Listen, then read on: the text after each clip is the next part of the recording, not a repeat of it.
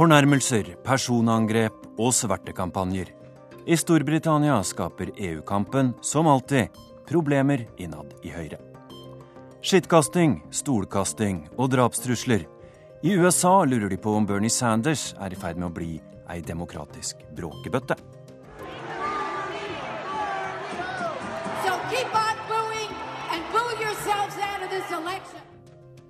Tyrkias mektige president rydder i rekkene i eget parti for å gi enda bedre plass til seg sjøl.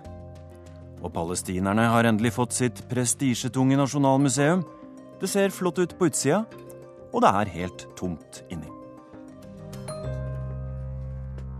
Velkommen til Urix på lørdag, en time i den store verden i selskap med NRK P2 og meg, Tore Moland.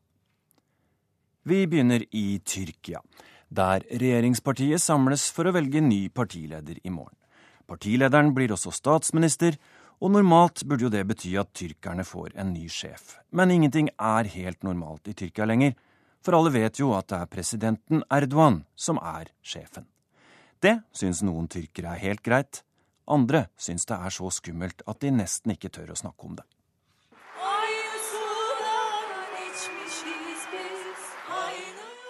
Transportminister Binali Yildirim går opp på scenen i en sal tettpakket med trofaste partimedlemmer og pressefolk i Ankara.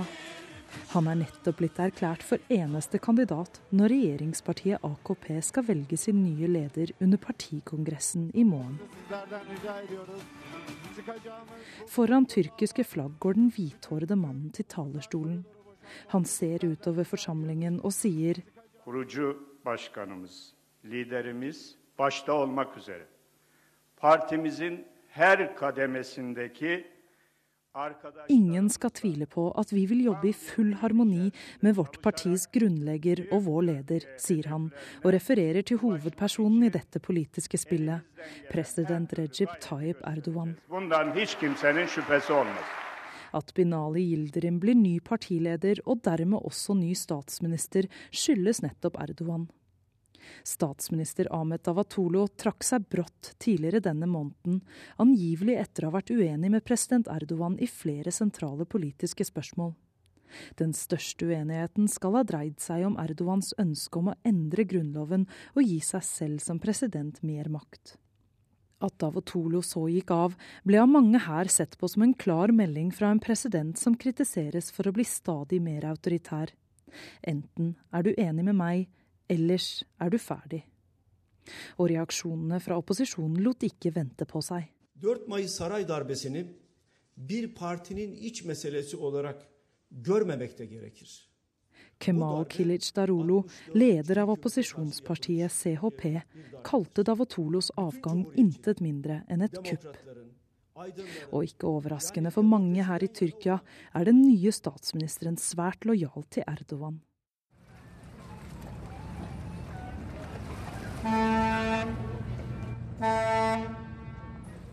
På havnen i Karakøy i Istanbul går passasjerfergene fra Europa til Asia. Her er meningene om statsministerskiftet like delt som byen som går over to kontinenter. På en benk i solskinnet sitter kollegene Ømer Kutsjukal og Weisel Durmas. De drikker brus og spiser kjeks, for de har fri i dag. Og de synes det spiller liten rolle akkurat hvem som er statsminister. Erdoğan'a gücü açtığında. Şimdi başkanlık adayı için ol, başkanlık seçimi için oluyor bu gelende hepsi olandı.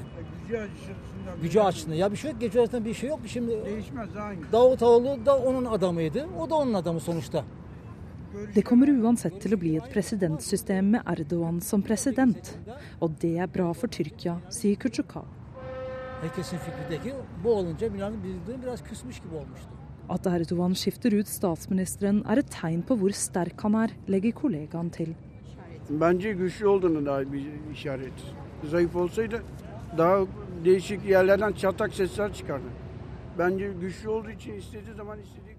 Han kan plassere folk akkurat hvor han vil, sier Durmas. Og det ser han slett ikke på som noen svakhet.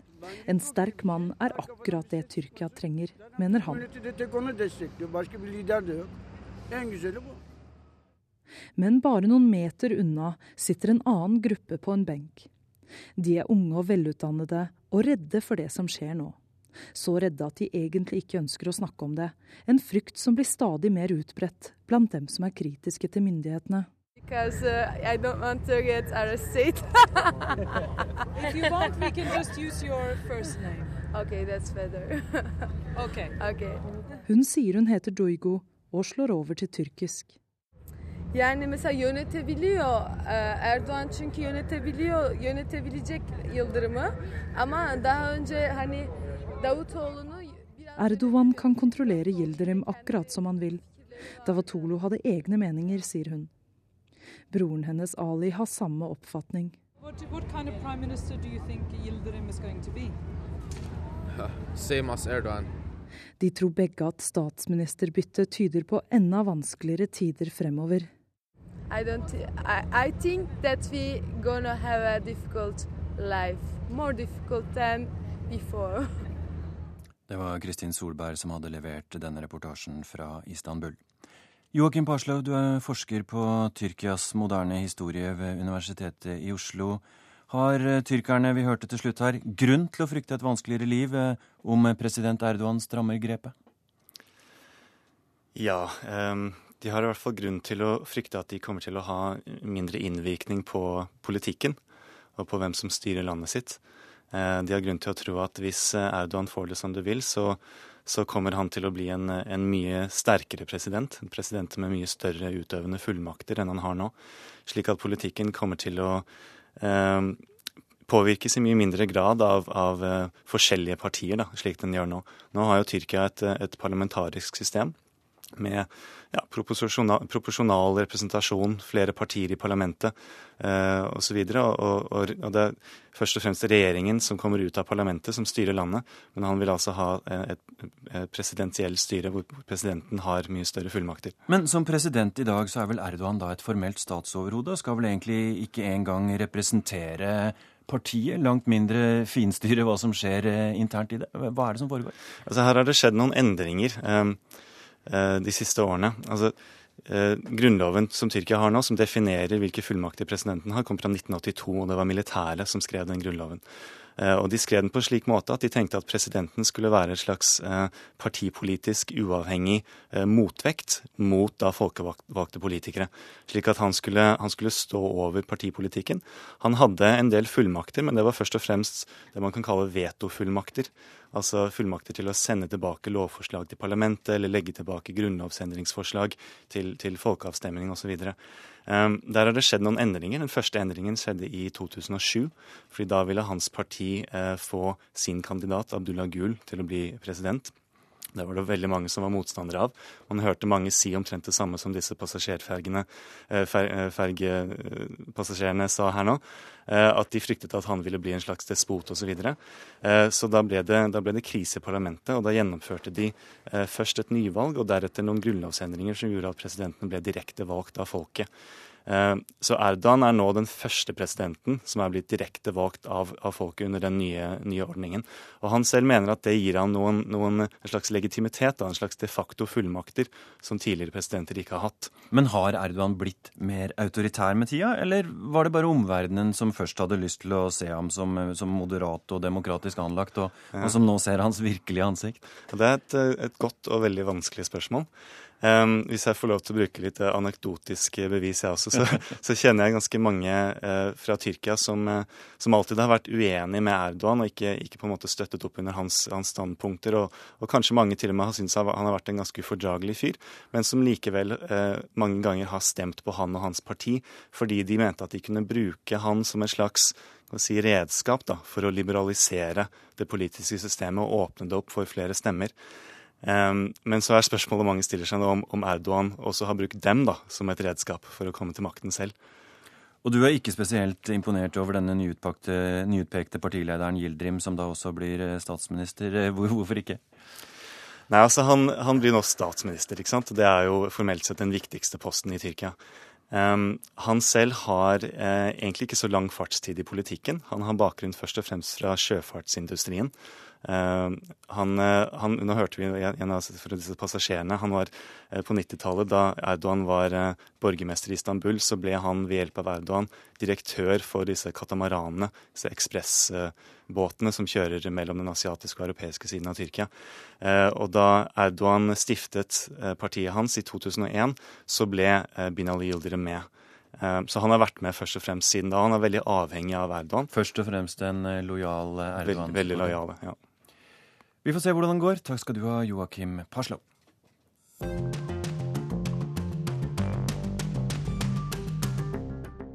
Presidenten strammer grepet i Tyrkia. I Brasil derimot, der ble presidenten avsatt for en uke siden. Målingene viser nå at de fleste brasilianere støtter suspensjonen av president Dilma Rousef. Men den nyinnsatte etterfølgeren er lite populær. Venstresida fortsetter å protestere, og det store flertallet ønsker et nyvalg. Arnt Stefansen har sendt oss denne reportasjen fra Rio de Janeiro.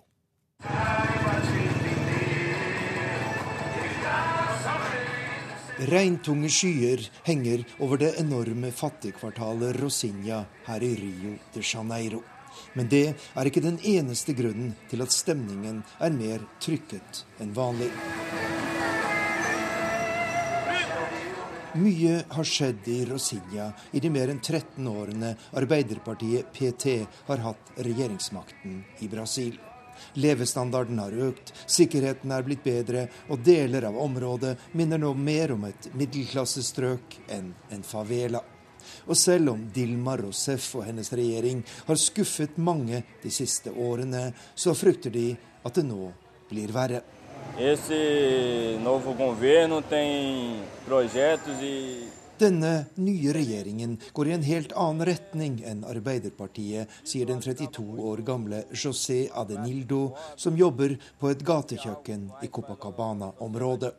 Selv om PT gjorde mange feil, så var vi fattige aldri i tvil om at partiet var på vår side.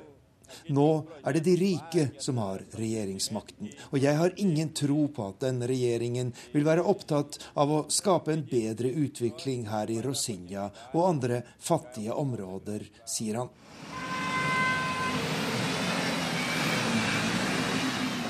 Trafikken går tregt på Praza General Osorio i hjertet av den rike bydelen Ipanema. Men stemningen er upåklagelig. I årevis har Brasils rike middelklasse kjempet for å kvitte seg med Dilma Rousef, og beslutningen om å stille henne for riksrett er for dem en stor triumf. Den 57 år gamle ingeniøren Antenor Lima er ikke i tvil om at det nå går mot bedre tider. Økonomien er det viktigste nå, og den nye presidenten har satt inn svært dyktige folk på sentrale poster. Jeg tror vi får en langt bedre økonomisk styring, der offentlige utgifter skjæres ned, og der bedriftene får bedre vilkår. Michel Temer og hans regjering har støtte og tillit både i parlamentet og i næringslivet, og har alle muligheter til å bringe landet ut av krisa, sier 57-åringen. Ut med Temer, roper et tusentall demonstranter under en markering her i Rio de Janeiro. Brasil synes mer splittet enn på lenge etter det politiske dramaet som har utspilt seg de siste ukene.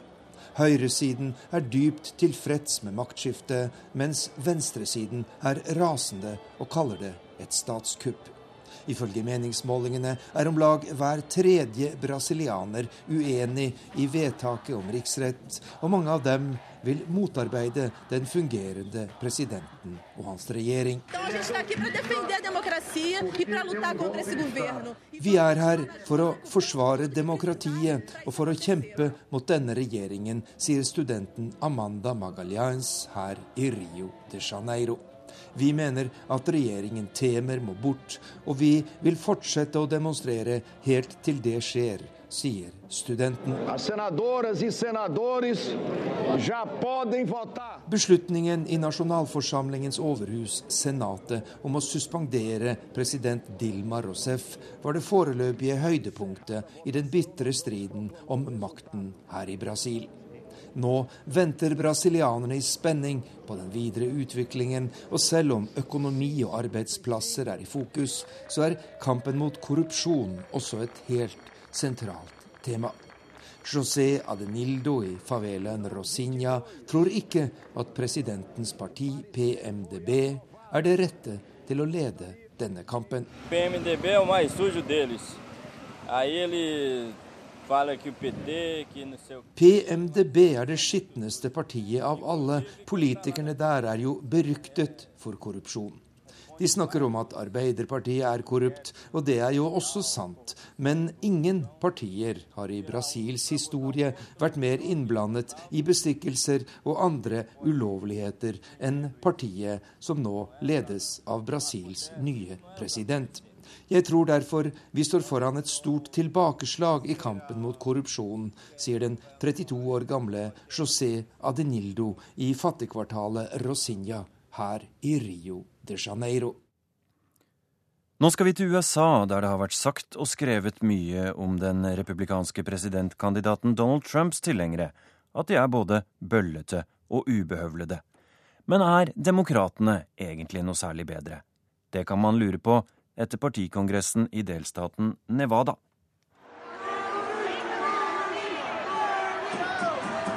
What happens in Vegas stays in Vegas, heter det.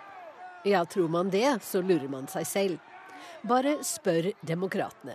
For det som skjedde på deres delstatskongress i Las Vegas i pinsehelgen, har til og med klart å trumfe Trump i medieoppmerksomhet den siste uken.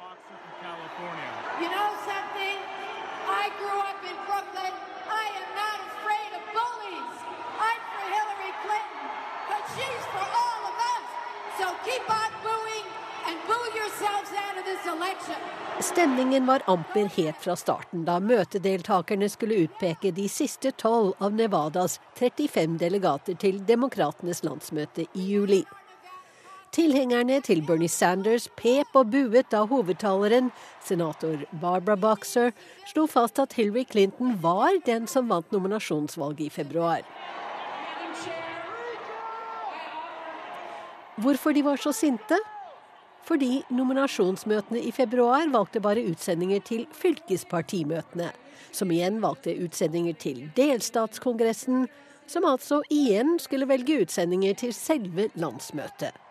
Henger du fortsatt med? Det som skjedde mellom februar og mai, var at Sanders-kampanjen var så godt organisert at de stilte med flere folk enn Clinton-kampanjen på fylkespartimøtene, og fikk dermed valgt flere utsendinger til Las Vegas-møtet. Så da regnet jo alle med at Bernie Sanders skulle få flertall av de tolv delegatene som skulle velges der. Not so fast, sa partiledelsen i Nevada, og forkastet flere titalls Sanders-delegater fordi de ikke hadde registrert seg som demokrater innen fristen som var 1. mai. Og som om det ikke var nok til å sette sinnene i kok.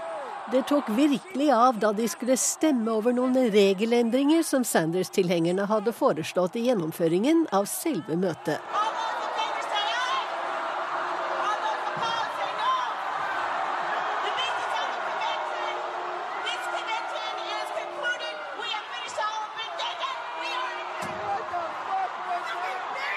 Lederen for Demokratene i Nevada, Roberta Lang, banket ned forslaget etter en kontroversiell muntlig avstemning.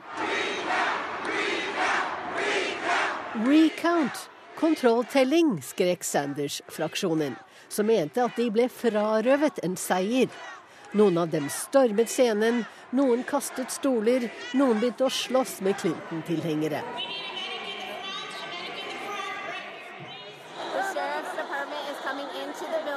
Det endte med at politiet måtte gripe inn og rydde salen. Men striden fortsetter.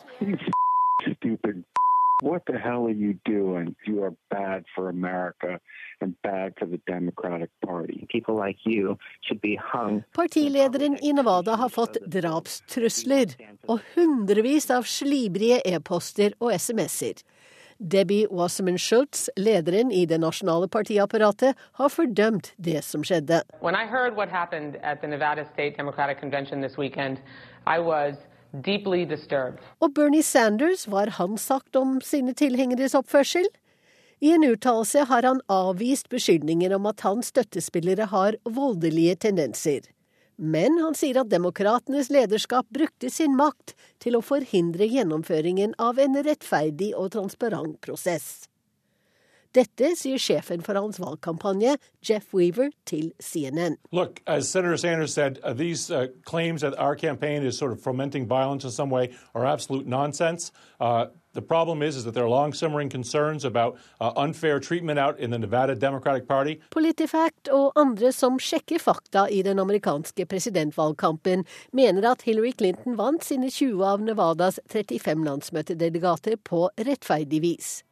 Men episoden i Las Vegas avslører hvor dypt splittet Det demokratiske partiet er i nominasjonskampen mellom Hillary Clinton og Bernie Sanders. Og så spør man kan det samme skje igjen på landsmøtet i Philadelphia i juli? Blir det slåsskamp på riksdekkende direktesendt TV?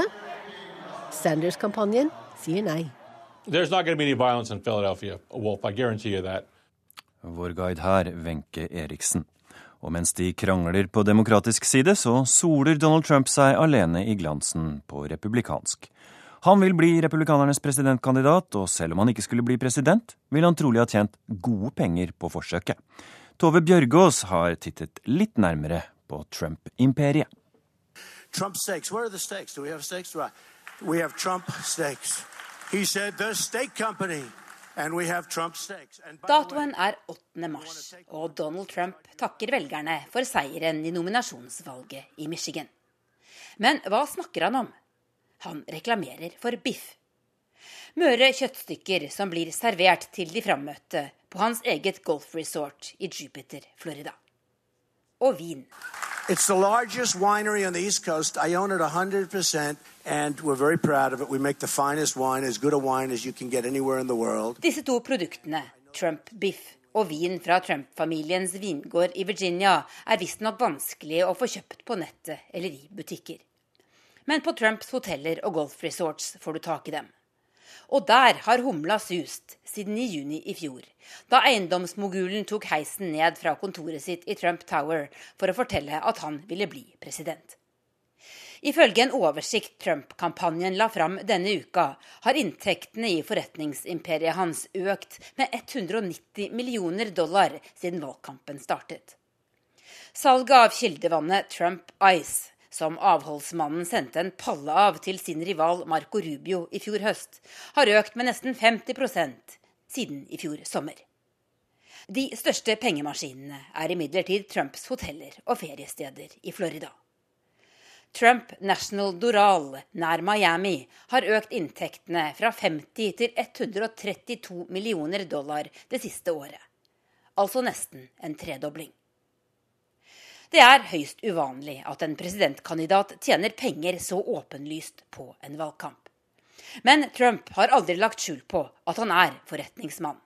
Og han har brukt valgkampen til å selge merkenavnet sitt. Som ved å reklamere for biff, vin og Trump-hoteller foran millioner av TV-seere 8.3. Noen mener det er problematisk, men andre amerikanere mener det er innafor. For Donald Trump har jo i stor grad brukt sine egne penger til å føre valgkamp med så langt. Rundt 50 millioner dollar av dem. Likevel går han altså med solid overskudd, hvis det stemmer at han har økt inntektene med 190 millioner dollar. Moralen er imidlertid at slike ting som pleier å skade vanlige amerikanske politikere, ser ut til å prelle av på Donald Trump. Selv de luksuriøse madrassene som bærer navnet hans, har solgt som hete drømmer de siste månedene, ifølge Trump-kampanjen. Produsenten Serta sier imidlertid til The Washington Post at de tok Trump-madrassene ut av produksjon allerede ved juletider. Kanskje var det fordi kombinasjonen Donald Trump og madrass gir folk litt småubehagelige bilder i hodet.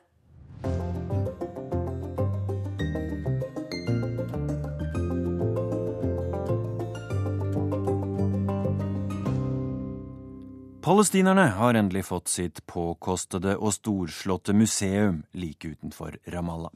Men da president Mahmoud Abbas åpnet museet med en prislapp på 250 millioner kroner denne uka, var det tomt. Konkurrerende palestinske grupper har rett og slett ikke greid å bli enige om hva museet skal inneholde, forteller Sissel Wold.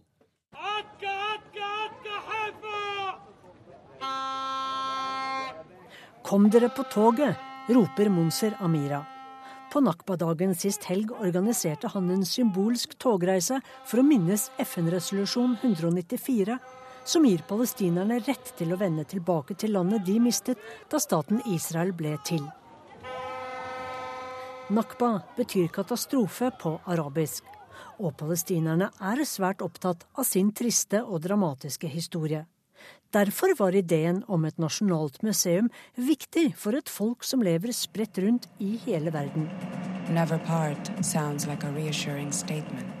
Den planlagte hovedutstillingen skulle hete Never Part. I en video fra museet oppfordres palestinere til å hente frem kjære gjenstander fra hjemmene de ble fordrevet fra i 1948. From Jerusalem to Beirut to Santiago, we're asking Palestinians about objects Familier i Jerusalem, Beirut og Santiago bes om å bidra med nøkler, fotografier og andre minner. Deretter ville den første museumsdirektøren, Jack Peresikian, gi kunstnere frie tøyler til å tolke disse gjenstandene og historien. Uh, one of the projects that we started dealing with uh, is the issue of archives. Siden palestinerne er så spredt, ville vi samle ett arkiv på ett sted, digitalisere dette og få ett felles nasjonalt møtepunkt, både geografisk og i cyberspace, sa Persekian på Dubai Global Art Forum i mars 2015. Men slik gikk det ikke. For verken privatpersoner, institusjoner eller de 30 andre etablerte små museene var villige til å gi fra seg sine klenodier what's so ridiculous in this kind of situation is that each and every one of them is trying to do that on their own. Meaning no one is talking to the other. Ingen samarbeider. Dette er jo håpløst, sukket Persekian da. Med ett ble direktør Persekian sparket av museets styre uten forklaring, ifølge ham selv. Kanskje var styret urolig for å slippe kunstnerne løs, eller kanskje var vi for uenige om de økonomiske rammene, spekulerer den avsatte direktøren.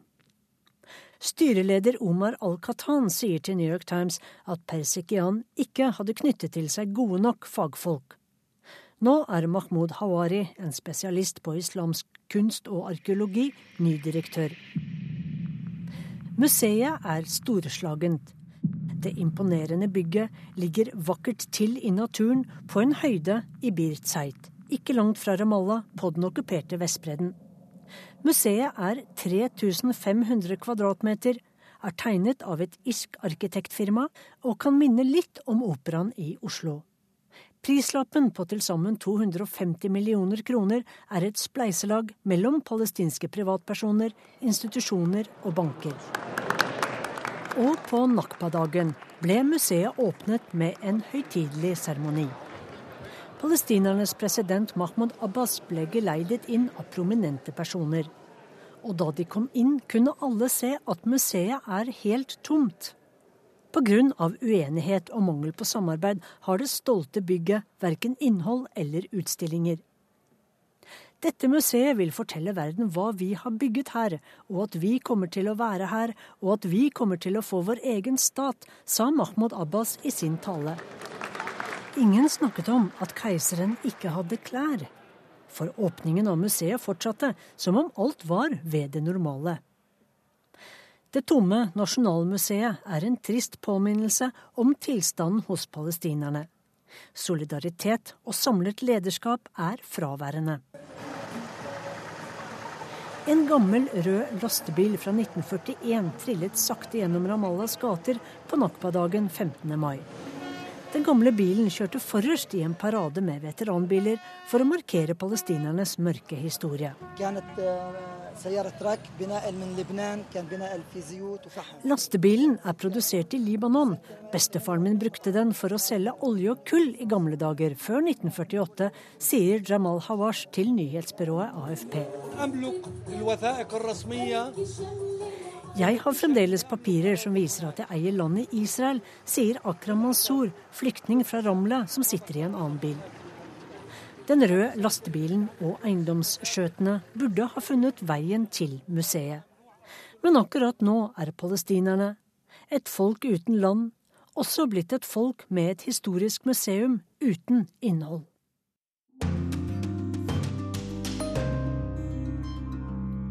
Du hører på Urix på lørdag. Klokka har passert halv tolv med noen minutter. Om litt skal vi reise 100 år tilbake i tid og drømme om det gamle Europa. Men først. Den pågående EU-valgkampen i Storbritannia skaper borgerkrigslignende tilstander innad i det konservative partiet. Torgene er det eneste politiske partiet som har delt seg i en ja-leir og i en nei-leir. Men ennå er det nesten fem uker med valgkamp igjen, og nå, nå begynner slitasjen å merkes. But if we restrict our trade with the single market, clearly they're going to be affected. For us to take back control of this country. Can you hear me at the back? Yeah! For dem som følger den britiske EU-debatten daglig, så er det stort sett slik den høres ut. Tidligere London-borgermester Boris Johnson fra de konservative hamrer løs på hvor håpløst det er å være EU-medlem, og hvor bra det skal bli å få frigjort landet fra dette byråkratiske uvesenet og statsminister David Cameron fra de konservative, som sier hvor feil de tar, de som vil ut, og hvor alvorlige konsekvensene kan bli ved en utmeldelse.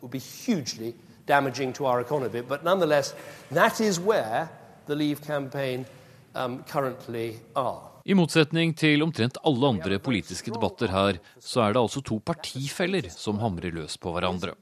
En leder av ja-kampanjen som har alliert seg med storheter som Barack Obama, pengefondet og den engelske sentralbanksjefen. Um, so a responsibility to the British people to be fair mens lederen av Nei-kampanjen er bevæpnet med bred folkelig appell og noen svært gode talegaver. Og som helt uten å be om det, også har fått en eh, slags støtte av Donald Trump, presidentkandidat for republikanerne i USA. det you would certainly not be back of the queue. That I can tell you. Men dette er altså to motstridende parter i Storbritannias regjeringsparti, og det slites naturlig nok innad. Og da den stadig frittalende Boris Johnson nylig sammenlignet EUs plan for et forent Europa med Hitlers tredje rike, før han et par dager senere hevdet at EU-direktiver forbød britiske kjøpmenn å selge bananklaser med flere enn to-tre bananer i hver, fikk noen nok. Deriblant partiveteran og EU-tilhenger Michael Hesseltine, lord Hesseltine, tidligere visestatsminister for John Major og en som utfordret Margaret Thatcher som leder. You know, I mean, you, this is the most serious decision Britain has faced in a generation, and it's descending into an extraordinarily nasty situation. Også på nei-siden ropes det nå om at nok er nok. BBC News at 9 o'clock. A leading Conservative Brexit campaigner has accused Downing Street of briefing against Tories in favour of leaving the European Union. Steve Baker said the referendum debate had descended into insults, personal attacks and petty tabloid smears. Men uh, kanskje er det for sent. Allerede er det lekkasjer om statsministerens planer for omrokeringer i regjeringen når avstemningen er over, hvor enkelte ministre som sto på feil side av partilederen, kanskje ikke lenger får beholde jobbene sine. Samtidig murres det også om at Cameron ikke kan fortsette som statsminister ved et nei-flertall, eller også hvis resultatet blir i jevneste laget. Det er meget stor usikkerhet i eh, Storbritannia på nåværende tidspunkt. Danske Sara Hagemann er universitetslektor ved Europeisk institutt på London School of Economics. Hun sier EU-debatten også langt på vei er en maktkamp i partiet. Vi ser til dels en, en, en debatt som handler selvfølgelig om Storbritanniens rolle i EU øh, og fremtiden for Europa. Men det er også meget et spørsmål om øh, lederskap i det konservative øh, parti. To ferske målinger gir Camerons ja-side nå et solid forsprang på nei-siden. Men tidligere målinger ja, de spriker i flere retninger. Legges resultatene av målingene sammen, er det som oftest dødt løp. Og eksperter mener de uansett må tas med en solid klype salt. EU-medlemskapet har splittet de konservative siden tidlig 80-tall. Mange i partiet håpet folkeavstemningen skulle kunne skape fred. Akkurat nå virker ikke det så veldig sannsynlig.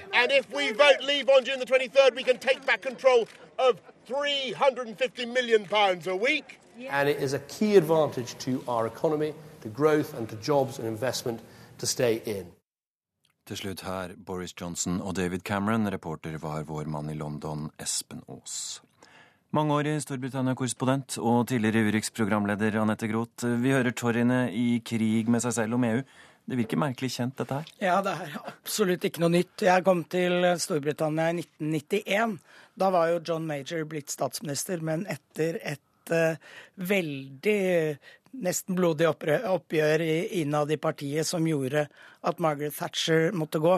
Og aktørene til og med er noen av de samme. Vi hører Michael Heseltine her. Ja, det var morsomt å høre en aldrende Michael Heseltine, som vel er Storbritannias mest ihuga EU-tilhenger. Og han var jo virkelig en av dem som eh, sto på for å få ut Margaret Thatcher. Sånn at ja, denne kampen har vi sett før. Men hvorfor er og har EU-spørsmålet alltid vært en så vanskelig sak for det konservative partiet? Det er vanskelig å si. Altså, noen eh, det var, jo, det var, jo, faktisk eh, de konservative som fikk Storbritannia inn i EU. Det var jo under Edward Heath. Men samtidig så, så, har det vært en sterk fraksjon i partiet som mener at man har gitt bort for mye eh, at, suvereniteten blir svekket. Fordi det begynte jo som en handels, mer en handelsavtale, og så har det blitt stadig mer og mer. Og i, i den prosessen der så har eh, eh, motstanden vokst i det konservative partiet fordi man ikke var villig til å gi fra seg så mye suverenitet. Og David Cameron er jo da EU-tilhenger, men hvorfor arrangerer han denne folkeavstemmingen hvis partiet hans nærmest står i fare for å bli revet i fillebiter av den? Ja, det kan man jo nesten lure på. Og jeg tenker at eh, kanskje angrer han også. Dette skjedde jo i kjølvannet av at det euroskeptiske UK Independence Party, UKIP, at det vokste. Og jeg tror det var noe av bakgrunnen for at Cameron valgte å ta folkeavstemningen, fordi de spiste seg jo inn i det konservative partiet. Jeg kan egentlig ikke se så mange andre grunner. Eller så kan det ha vært at han mente at dette blir plain sailing. De, kommer, våre folk kommer aldri til å ville forlate EU, men der har han jo tatt feil. da.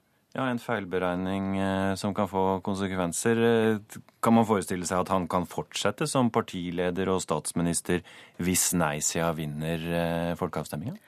Nei, det ser jeg ikke for meg, egentlig. Selv om det åpner seg jo da tusen spørsmål om hva som skal skje med Storbritannia. Men Eh, Boris Johnson, som jo er hans fremste motstander her, og partifelle, han har nok eh, regnet med, tror jeg, at hvis nei-siden vinner, han har gått inn eh, i ledelsen der, så er det han som skal fortsette å ta dette videre. Men denne kampen mellom Cameron og Johnson, den er jo, den, de gikk sammen på Eton i gamle dager, og de var konkurrerte allerede da. Så det har alltid vært et sånt konkurranseforhold mellom dem. Relativt godartet. Nå er det ikke så veldig godartet lenger. Men jeg tror kanskje at den, som, den av dem som går seirende ut, vil være den som, eh, som blir Storbritannias statsminister. Og på den aller ferskeste meningsmålingen fra TNS så leder eh, ut-siden med 41% mens 38% er for å bli, og 21% ikke har bestemt seg ennå. Hvordan kommer dette til å gå? Nei, åh, Det er vanskelig å spå. Eh, det er jo sånn at feilmarginene kan jo forandre på dette her.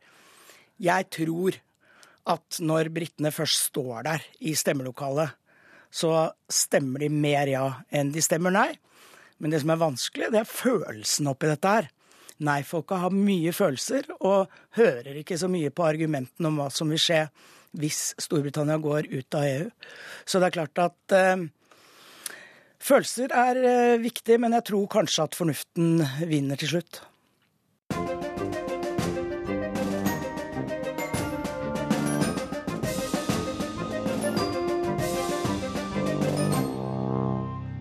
I morgen skal Østerrike velge ny president, men det er et annet og kanskje stoltere statsoverhode som stjeler litt oppmerksomhet fra dagens politikere lenge, lenge etter at han gikk bort. I år er det nemlig 100 år siden keiser Frans Josef døde, og med han forsvant både dobbeltmonarkiet Østerrike-Ungarn, et stort europeisk rike og på mange måter hele det gamle Europa. So this this is the the, the working table. Mm. Uh, so he was spending a lot of time on, in, on this place for uh, many many hours. He was an early riser, 3:30 in the morning, and. Uh, Historieprofessor, forfatter og kurator Karl Worselka viser meg rundt i det voldsomme keiserpalasset Schönbrunn i den østerrikske hovedstaden Wien. Han hvisker for ikke å forstyrre. De mange besøkende som står rundt oss, snakker med lav, lav stemme, de også. Som om den aldrende keiseren som jobbet her, er her fortsatt. Lange rekker strekker seg fra rom til rom. For når mytene vokser, gjør køene det også. Uh, Francis Joseph was, he called himself the last uh, ruler of old Europe. He was the symbol, so to speak, of this uh, old-fashioned Uh, Habsburg monarchy and, uh... I år er det 100 år siden Østerrike-Ungarns keiser Frans Josef døde, 86 år gammel. Det skal ettertrykkelig minnes i hovedstaden i kjemperiket han regjerte i imponerende 68 år, fra 18-åring under revolusjonen i 1848 til sin død i 1916.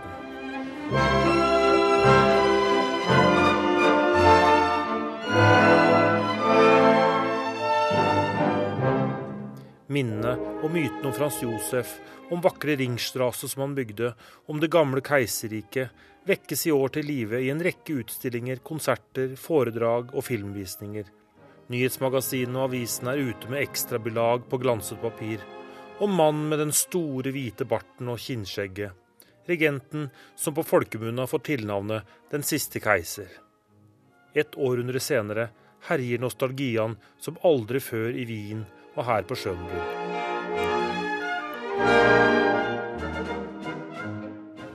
There's the myth of the good old time. The question is for whom uh, this old time was good. Yeah, so this is a nostalgia that is uh, centered on these uh, symbol figures. Yeah, like Østerrike-Ungarn under Frans Josef talte over 50 millioner innbyggere.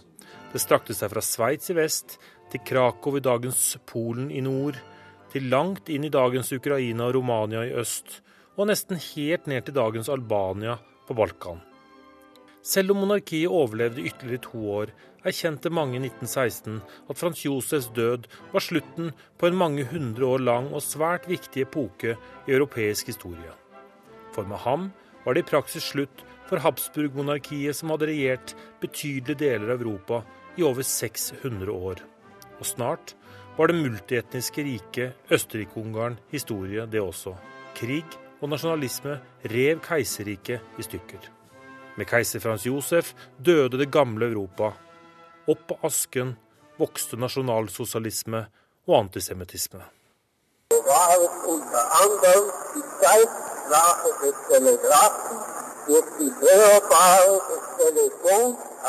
Dette er visstnok et av bare tre lydopptak som finnes av keiser Frans Josef. I opptaket snakker han om grammofonen, telegrafen, de nye oppfinnelsene. I virkeligheten var han en gammeldags, meget konservativ mann som foraktet det moderne. Selv bad og toalett ville han ikke ha på Slottet. So Peter Myll ble født 19 år etter Frans Josefs død. I dag er 81-åringen og kona Elisabeth på Schönbrunn for å minnes. Han tror ikke østerrikerne i dag ønsker seg tilbake til en tid da titler gikk i arv innad i en familie. Men vemod, det er det mye av, tror han. It's perhaps like if you are a, a widow. Your wife is dead. Of course, you, you think of her, but you know it's finished. Cannot come back. En slags drøm om en tapt tid.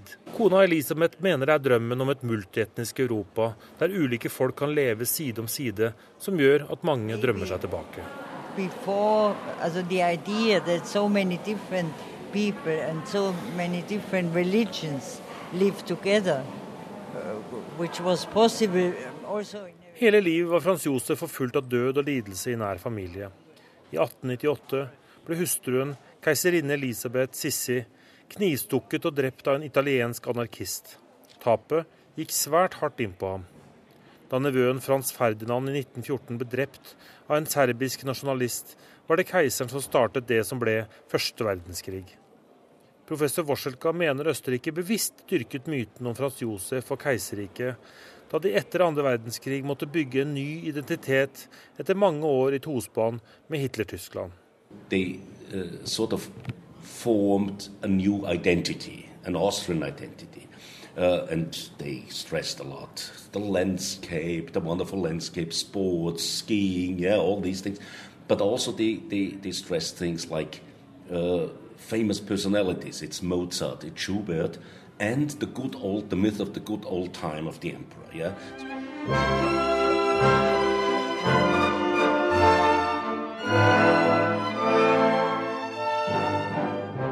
Reporter på Slottet Schönbrunn i Wien var Roy Freddy Andersen. Korrespondentbrevet denne lørdagen kommer fra Afrika, fra Nairobi, og det handler om å ødelegge og om å bevare. Avsender er Sverre Tom Radøy. Tenner brenner dårlig, men lukter stramt når de først tar fyr. Røyken lå tett over Narobis utkant, der løvene går løse og bøflene beiter. 105 tonn støttenner ble svidd av her i april. Verdenshistoriens største elfenbensbål. Det tok mange dager og tonnevis med drivstoff før milliardverdiene ble til aske. Lokale pyroteknikere hentet hjelp fra effektmakere i Hollywood. Skjulte rør og dyser pumpet brennstoff inn under det som kunne blitt til flere millioner hvite tangenter. Kenyas president satte selv fyr på elleve bål med støttenner og et bål med horn som er dyrere per gram enn gull og kokain, selve neshornet til 100 000 dollar for ett kilo. Presidenten ville vise at visst setter Kenya stor pris på elfenben, men bare når det sitter fast på dyrene selv. 30 000 elefanter drepes i Afrika årlig. Neshornbestanden har gått ned med over 90% på vel 100 år. Dyrene må vernes, sa presidenten. I dag ender Afrikas arvesølv opp som figurer av Jesus og Shiva, buddhistiske ornamenter, jemenittiske dolkeskjefter og som middel for menn som vil mer. Det får i alle fall hårene til å reise seg på oss som har vært så heldige å se en potent hannelefant i dryppende brunst på savannen, mens neshornet gresset under akasietreet og alt det der. Eller klappet Maxwell på mulen gjennom gjerdet i nasjonalparken, der de tar vare på dette blinde neshornet. Afrika uten elefanter, Norge uten fosser, fjorder, rovdyr, stavkirker og vikingskip, det dreier seg om identitet. Hvis vikingskipene ble funnet i dag, hadde vi ikke engang hatt råd til å grave dem opp, skal en desillusjonert arkeolog ha sukket da forvitringen av vårt viktigste arvesølv fra denne tiden ble kjent. Vern og bevar, sa Georg Johannessen. I radioprogrammet Ukeslutt hadde vi bedt den omstridte professoren komme med råd til en nyoppnevnt kulturminister. Vi ventet oss noe radikalt og provoserende, så Kleveland, eller var det Svarstad Haugeland som satt i Studio 50 på Marienlyst, sperret øynene opp, for riksrefseren kom bare med dette ene rådet å bruke kulturbudsjettet til å bevare kunst, kultur og andre avtrykk av levde liv. Resten var visst ikke så viktig. Det vakte oppsikt. Georg Johannessen var kalt en modernistisk norsk fusjon av Nietzsche og Marx. Ingen av disse to var kjent for sin interesse for å konservere. Asmara er ikke vel bevart, men tilfeldigheter som fravær av utvikling, bomber og granater har bidratt til at Eritreas hovedstad er Afrikas modernistiske perle hva gjelder arkitektur fra før andre verdenskrig. Landets økonomiske havari er en tragedie for befolkningen, men har reddet funkisperler fra sanering for å gi plass til Sandvika Storsenteret. I denne italienske kolonien skal funkis, art og futurismearkitekter ha tatt seg ekstra store friheter til å tøye formgrensene. Afrikas Horn var langt unna kultursensuren hjemme i Mussolinis Roma, som syntes Victor Emanuel-monumentet var noe å strekke seg etter. Ennå kan du gå på Café Impero og se La Dolce Vita. I alle fall sto Art Deco-kinoen der i går, i går, ja, sa Jan Erik Vold om blodbøka, så det haster. Det ikke krig og kommers har ødelagt, faller nå sammen på grunn av manglende bevilgninger. Jeg var i Asmara før jul. Der jobber lokale eksperter og ildsjeler hardt med norsk hjelp for å få byen inn på Unescos verdensarvliste. Det ville Georg Johannessen likt godt. I dag er det andre krefter enn forfallet som truer verdensarven. Jeg skulle ønske jeg hadde fått med meg Aleppo før krigen ødela Midtøstens store marked, men jeg fikk med meg palmebyen Palmyra før militante islamister gjøv løs på den gamle karavanebyen i Syrias ørken. Hvorfor gamle søyler er så truende, er det vanskelig å forstå. Jeg skulle gjerne ha vært i Bamiyan-dalen før Taliban sprengte kjempebuddhaene ut av kretsløpet men jeg fikk med meg Ninive før IS ødela ruinene i Mosul. Dessuten var de fleste av stedets bevingede løver og okser allerede ranet av europeiske museer, før dagens sortkledde kulturknusere fikk ødelagt dem. Også kristne kulturvandaler har knust statuer i Guds navn, uten at det gjør dagens herjinger mer akseptable. Noen avkappede hoder av greske og romerske statuer skal også skyldes overivrige billedstormere, kristne tilhengere av ikonoklasmen. Da oppførte de store museene seg bedre, tross alt. De som stjal og kjøpte andre lands arvesølv på den tiden da det antikke ble gjenoppdaget av stater med ambisjoner. 75 meter med de gjeveste frisene og skulpturene fra Atens Akropolis har vært utstilt i British Museum i 200 år. Lord Byron kjempet imot ranet den gang da. George Clooney mener kulturarven må returneres i dag. Resten av Parthenon-skulpturene ble fordelt på bl.a. München, Wien, Paris og København, foruten Aten selv. Sevs-alteret var ikke i Pergamon på Tyrkias vestkyst da jeg besøkte ruinbyen. Det forsvant til Tyskland 100 år tidligere.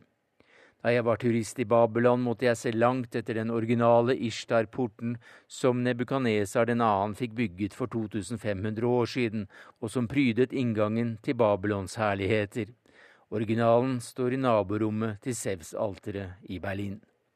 Synd at ingen stjal eller kjøpte med seg Babels tårn, kolossen fra Rodos og fyrtårnet i Alexandria eller andre av verdens sju underverker, og plasserte bygningene i mer jordskjelvsikre strøk.